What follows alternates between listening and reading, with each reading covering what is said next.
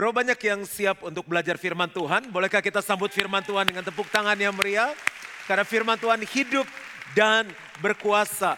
Saya ingin bawakan tentang Covenant of Blessing, perjanjian berkat seri yang ketujuh. Satu seri lagi kita selesai. Dan ini membahas tentang keadaan keuangan atau perekonomian. Setiap kita perlu uang. Dan Secara status kita ini sebetulnya anak dari Bapa di surga yang sangat kaya. Tapi dalam kenyataannya kalau Bapak kita kaya, kenapa anak-anaknya nggak bisa hidup di dalam kemaksimalan, terutama di area ekonomi. Jalan keluarnya adalah kita perlu berjalan di dalam perjanjian berkat dengan iman untuk meraih semua yang Bapak sudah siapkan bagi setiap kita. Tapi saya ketemukan hal-hal yang aneh di dalam gereja. Saya coba aja dengan dua hal. Yang pertama, mereka yakin kalau mati masuk surga. Yakin pak, yakin. Sekarang dipanggil Tuhan, yakin masuk surga. Siap pak, yakin masuk surga. Mau sekarang? Oh nggak mau pak. Dan mereka yakin keselamatan, tapi kalau saya tanya apakah kamu percaya Tuhan mau memberkati kamu? Percaya pak, Cuma bagaimana nih penjualan turun terus, toko sepi, dan itu membuat mereka sering ragu di area keuangan. Hal yang kedua, keanehan yang saya temukan, mereka perlu uang. Tapi kalau di gereja diajarin uang, ngomongnya begini nih, ngomong duit lagi tuh gereja, pendeta ngomong duit tuh. Tapi yang aneh di GBI Gilgal, tujuh seri keuangan jemaatnya tambah banyak. Karena mereka tahu Walaupun ngomongnya uang, tapi itu menolong kita untuk hidupnya diberkati. Jadi siap ya, ini seri yang ketujuh. Kalau Bapak Ibu ada kehilangan, ketinggalan, miss beberapa seri, beli rekamannya dan harus ikuti. Mari kita lihat ayat kuncinya, ulangan 8 ayat yang ke-18. Tetapi haruslah engkau ingat kepada Tuhan Allahmu, sebab dialah yang memberikan kepadamu kekuatan. And now, let the weak Say, I am strong. Let the poor say, I am rich. Tuhan mau kasih kekuatan kepada kita yang lemah. Kekuatan apa? Untuk memperoleh kekayaan. Dengan maksud meneguhkan perjanjian yang diikrarkannya dengan sumpah kepada nenek moyangmu seperti sekarang ini. Saking seriusnya Bapak ingin memberkati kita dan saking Bapak ingin menguatkan kepercayaan kita bahwa dia sanggup memberkati janjinya disertai dengan sumpah. Kekuatan apa yang Tuhan berikan? Dia kasih kekuatan mengelola. Ingat mengelola mesti benar. Harus benar setiap hari dimonitor. Yang kedua memberi. Gak boleh jadi orang Kristen yang pelit. Belajar murah hati. Yang ketiga adalah bekerja, bekerjanya dengan iman. Yang keempat adalah hikmat. Ada hikmat dunia, ada hikmat setan, ada hikmat diri sendiri. Tapi yang kita pakai adalah hikmat Tuhan. Yang terakhir yang saya bahas dua minggu lalu adalah bergantung. Diberkatilah orang yang mengandalkan Tuhan. Nah apa yang kita belajar sekarang adalah kekuatan ber kata-kata. 2 Korintus 4 ayat 13b berkata seperti ini, aku percaya sebab itu aku berkata-kata. Maka kami juga percaya dan sebab itu kami juga berkata-kata. Orang yang percaya dia pasti berkata-kata. Berkata apa Pak? Memperkatakan apa yang dia percaya. Kalau dia percaya firman Tuhan ya dan amin, dia akan memperkatakan apa yang dia percaya. Berapa banyak yang percaya kepada Tuhan Yesus? Berapa banyak yang percaya Tuhan Yesus sanggup memberkati setiap kita. Tapi jarang diperkatakan.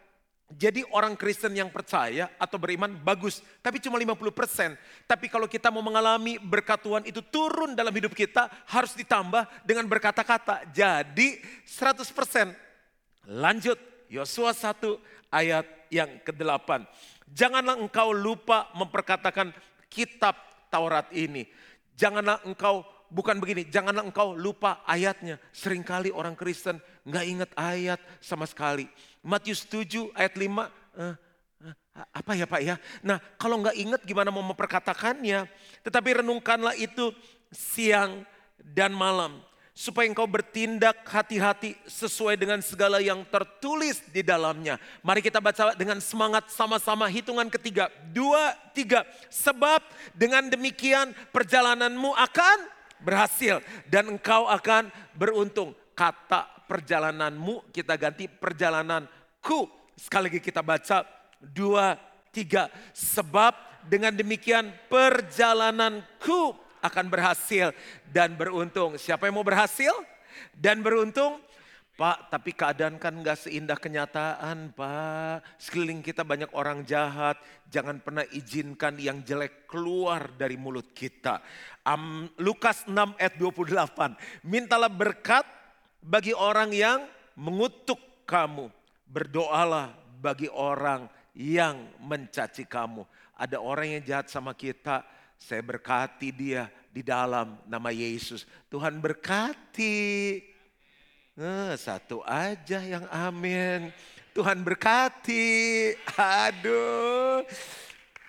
Nah, Bapak Ibu kan bisnis, kerja. Pengen memakan yang baik dong. Sehat, nikmati berkat, nggak jantungan, tekanan darah nggak naik turun. Pengen hidup enak kan. Ada ayatnya, Amsal 13 ayat 2. Dari buah mulutnya Artinya dari perkataannya, dari buah mulutnya seseorang akan makan yang baik. Tetapi nafsu seorang pengkhianat ialah melakukan kelaliman. Dari empat ayat yang saya baca, apa yang sebetulnya saya ingin sodorkan kepada Bapak Ibu. Bahwa berkata-kata adalah metode Allah untuk memberkati hidup kita. Nggak ada modal kan, nggak ada koneksi, nggak ada backingan, nggak perlu kepintaran apa-apa. Berkata-kata adalah metode Allah untuk memberkati hidup kita. Kalau kita baca kejadian Fatsal yang pertama, dikatakan bumi belum berbentuk gelap gulita. Yang ada cuma apa? Roh Allah melayang-layang. Siapa roh Allah? Roh Kudus melayang-layang. Kenapa dia melayang-layang? Dia tunggu firman Tuhan keluar. Waktu firman itu diucapkan, pam! Jadi, makanya di kejadian 1 ayat 3, tiga ayat berikutnya. Kejadian 1 ayat 3, berfirmanlah Allah, jadilah terang. Lalu terang itu jadi. Saya ulangi sekali lagi, berfirmanlah Allah, jadilah terang. Lalu terang itu jadi. Jadi setiap hari roh kudus, mana ini dipik, nggak keluar firman. Yang ada, ayo buka toko, eh ke mana kamu males? Adanya ngomel-ngomel di toko. Berkat dimulainya di sini. Pakai contoh deh ya, biar nangkep ya. Ini mesin penggiling daging. Ini ibaratnya mesin iman kita. Waktu mesin iman ini bekerja, mujizat terjadi, berkat dicurahkan. Kalau kita nggak memperkatakan firman, nggak bekerja dia off. Kalau kita berkatakan yang jelek-jelek, off. Kan dia spesifikasinya, pengkhususannya, hanya mengeluarkan berkat dalam hidup kita. Makanya supaya mesin iman itu bekerja, ada tombol off dan on. Tekan yang off atau on? Ah nggak kedengeran, tekan off atau on? Tapi Bapak Ibu selama ini memperkatakan firmannya off atau on? Kita coba ya. Bekerja, bekerja, gilingan daging ini bekerja. Off. Saya umpamakan hidup saya. Ada istri saya saksinya, dia dengar apa yang saya ucapkan. Hidup kita sekarang, karena apa yang kita perkatakan hari-hari sebelumnya. Kalau Bapak Ibu mau ingat setiap hari memperkatakan firman, beli ini. Tapi kalau Bapak Ibu nggak mau keluar modal, cukup ambil kamera dan instastory saya. Siap ya? Ini memperkatakan firman seperti ini. Kalau kita mau menerima berkat yang dari Tuhan, perkatakan setiap firman yang kita terima dalam hidup kita. Aku percaya hari ini aku diberkati. Ini hari yang dijadikan oleh Tuhan. Aku mau bersuka cita dan bersorak-sorai di dalamnya. Ini hari yang penuh dengan berkat Tuhan. Aku, keluargaku, aku bawa juga jemaat Gilgal. Dan GBI Gilgal diberkati melimpah oleh Tuhan. Untuk memberkati banyak orang dan memberkati pekerjaan Tuhan. Aku percaya Yesus yang kaya jadi miskin supaya aku yang miskin jadi kaya. Yesus datang untuk memberikan hidup dan hidup dalam segala kelimpahannya. Aku diangkat dari satu kemuliaan kepada kemuliaan yang lebih tinggi. Segala perkara dapat kutanggung di dalam dia yang memberi kekuatan kepadaku. Allahku akan memenuhi segala keperluanku menurut kekayaan dan kemuliaannya. Karena mesin ini saya on dari dulu, datang terus berkatnya. Siapa yang mau dapat berkat dari Tuhan? Siapa yang berkatnya mau berhenti? Gampang. Mujizat tadi.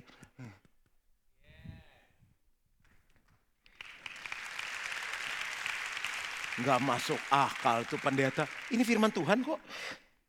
Nah, khotbah sekarang. Bagaimana kekuatan berkata-kata ini bekerja? Hmm, empat. Yang pertama, siap semuanya? Mana suaranya? Are you ready? Bagaimana kekuatan berkata-kata itu bekerja? Yang pertama, perkataan menciptakan imajinasi. Perkataan menciptakan imajinasi. Kalau Bapak Ibu terus dari gereja ini terus ada perempatan, kan ada kali kan? Bapak Ibu belok kanan, itu ada pasar Grisenda namanya. Pastor nggak maksud promosi, nggak ada saham, nggak dapat komisi, cuma kalau lagi bagus apa ngomong. Lalu kalau Bapak Ibu parkir mobil, jalan ke belakang pasar, ada sebuah kios. Salah satu cirinya adalah dinding kios itu dari kawat-kawat kotak-kotak. Dan eh, eh semangat sekali ibu. Nah kalau kita duduk di sana saya suka tanya, Ci baminya enak. Oh bikin sendiri kok katanya. Oh terus saya cobain baksonya enak, bakso yang rebus lalu suikiaunya, lalu pangsitnya. Bapak Ibu ngerti bedanya suikiau sama pangsit? Yang satu babi, satu babi plus udang. Lalu untuk melengkapi kebahagiaan kita harus pesan bakso gorengnya. Itu bakso gorengnya kalau digoreng panas-panas, lalu dipotong kecil-kecil. Minta ya dipotong kecil-kecil, jadi rasa makannya nggak banyak. Kalau satu blep, blep udah makan berapa? Tiga. Tapi kalau dipiting kecil-kecil, kita nggak berasa makan berapa. Lalu kita celup sama sambal, Makan sama bami itu. Tuhan dekat sekali di hati. Nah, waktu saya cerita ini, apa yang Bapak Ibu imajinasikan? Saya bayangkan Yesus disalib di Golgota, nggak nyambung. Yang Bapak Ibu bayangkan apa? Orang sementara dengar cerita ini, ada yang begini yang benar pastor, ya Allah begitu. Nah imajinasi kita mulai bekerja. Makanya kalau teman-teman kita cerita yang jorok-jorok, pikiran kita jadi jorok. Perkataan menciptakan imajinasi. Nah firman Tuhan yang dimeteraikan dengan darah Yesus. Kalau terus kita ucapkan, yang kita imajinasikan adalah apa? Kebahagiaan, sukses, berkat. Jadi serupa Yesus bukan setelah saya baca firman kok saya bayangin toko saya tutup, bangkrut. Nggak mungkin, saya kayaknya di PHK dari pekerjaan. Nah apa hubungannya imajinasi? Imajinasi ada tulisannya di depan.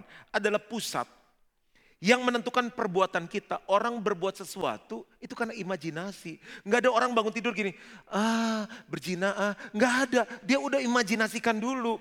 Pusat yang menentukan perbuatan dan perbuatan akan menentukan kebiasaan kita. Dan kebiasaan akan menentukan apa? masa depan kita. Jadi waktu kita dengar cerita tentang Bami yang di ujung sana, akhirnya kita bilang, udah deh pas nih keluarnya jam 2, yuk jajan-jajan, kita makan Bami. Nah waktu makan ke sana enak, perbuatan kita akan menjadi apa? Kebiasaan. Balik lagi yuk enak juga setiap kali habis ke gereja, setelah kita dengar firman rohani, kita yang rohana di sana makan Bami. Jadi berulang setiap minggu, lalu kebiasaan akan menentukan apa? Masa depan, sering-seringlah makan Bami. Maka ini akan menjadi besar.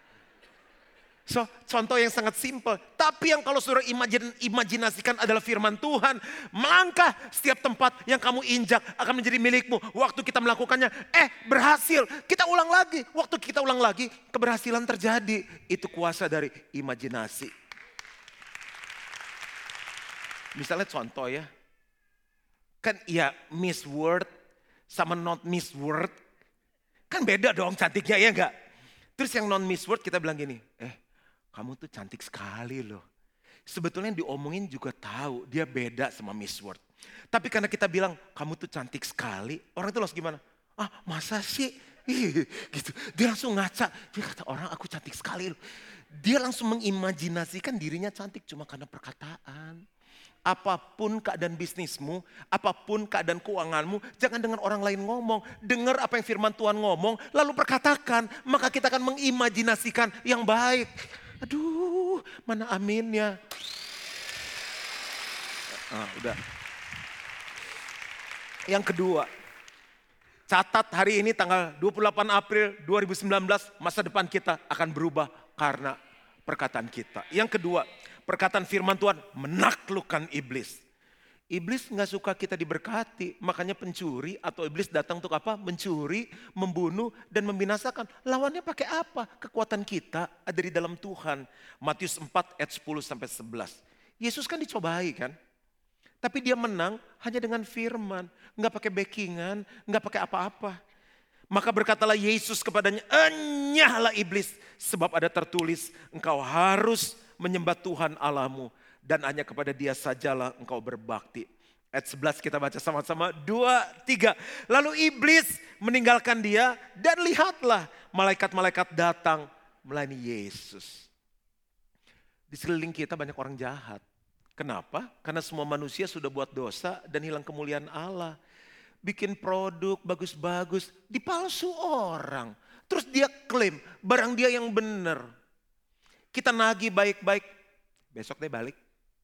Kalau besok balik, besok dikasih, tiga bulan, besok deh balik, besok. Ayo kita colok matanya, besok deh balik. Kita ini kurang ajar. Kalau kita salah ngomong, mati itu mesin. Gimana dong pakai perkataannya? Setiap roh-roh yang mempersulit untuk membayar tagihan, Aku ikat dalam nama Yesus. Karena apa yang kita ikat di bumi, terikat di surga. Apa yang kita lepaskan di bumi, terlepas di surga. Aku lepaskan roh kemurahan hati. Roh takut akan Tuhan. Roh pengertian bahwa bisnis I perlu muter Tuhan. Dia harus bayar segera tagihannya. Kemenangan di alam roh, kemenangan di alam jasmani. Jangan pakai kekuatan, jangan pakai kata-kata kotor, jangan pakai debt collector dulu. Pakai firman. Yang ketiga, perkataan mengaktifkan malaikat. Tahukah Bapak Ibu bahwa kita disiapkan malaikat-malaikat yang siap menolong kita setiap saat. Cuma karena kita nggak mengaktifkan firman, nggak pernah memperkatakan firman, pekerjaan itu nggak terjadi. Pengkhotbah 5 ayat 5. Janganlah mulutmu membawa engkau ke dalam dosa. Mulut bisa bawa kita ke dalam dosa. Orang pikir berzina dosa. Tangan yang memukul membuat dalam dosa. Mulut bisa bawa kita ke dosa. Dan janganlah engkau berkata di hadapan utusan Allah. Bahasa Inggrisnya bilang ini. Don't say in front of the angels. Itu malaikat. Bahwa engkau kilaf. Perkataannya udah keluar dari mulut susah ditarik. Jelek lu. Itu kayak anak panu ditembakin ini. Tiung, dis, eh, eh, nggak bisa. Dan jangan berkata engkau kilaf Apakah perlu Allah menjadi murka atas ucapan-ucapanmu dan merusak pekerjaan tanganmu? Berapa sering saat omset turun, penjualan turun, klien berpindah kepada supplier lain, secara refleks kita bilang ini matang lu bisa tutup nih toko, aduh cilaka. Itu bikin mati mesin dan apa? Kita bertanggung jawab atas perkataan kita. Makanya ada malaikat yang disediakan untuk menolong kita. Bagaimana caranya? Saya kasih contoh. Jadi contoh saya di gereja, Bapak Ibu aplikasikan. Kan ini semuanya mountain mountains. Ada yang di pendidikan, ada yang di entertainment, ada yang di rohani. Saya survei ya. Bapak Ibu siapa yang dari Jakarta Timur? Jakarta Pusat? Jakarta Barat? Wow. Jakarta Utara? Wuh, Jakarta Selatan. Oh ada di luar Jakarta, Bogor, Depok, Lipo, BSD. Ya ampun. Aku cerita rahasianya ya. Saya doa apa setiap pagi.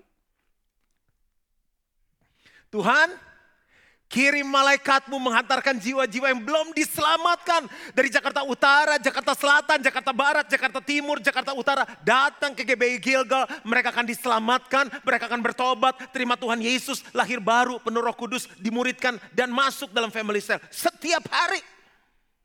Datang tuh dari Jakarta Selatan. Bapak Ibu saya minta maaf ya. Saya nggak nyebut Bogor dan lain kok pada datang ya. Berarti itu kuasa Tuhan. Mintanya Jakarta, yang datang di luar Jakarta. Dahsyat. Aminnya susah.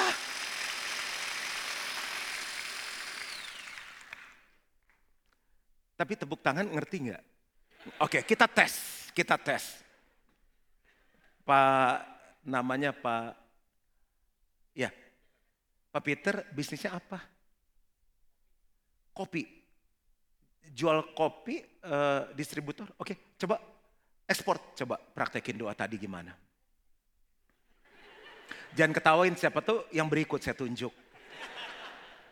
Tuhan Yesus, biar semua pembeli dari semua negara bisa merasakan kopi saya, menjadi pelanggan saya.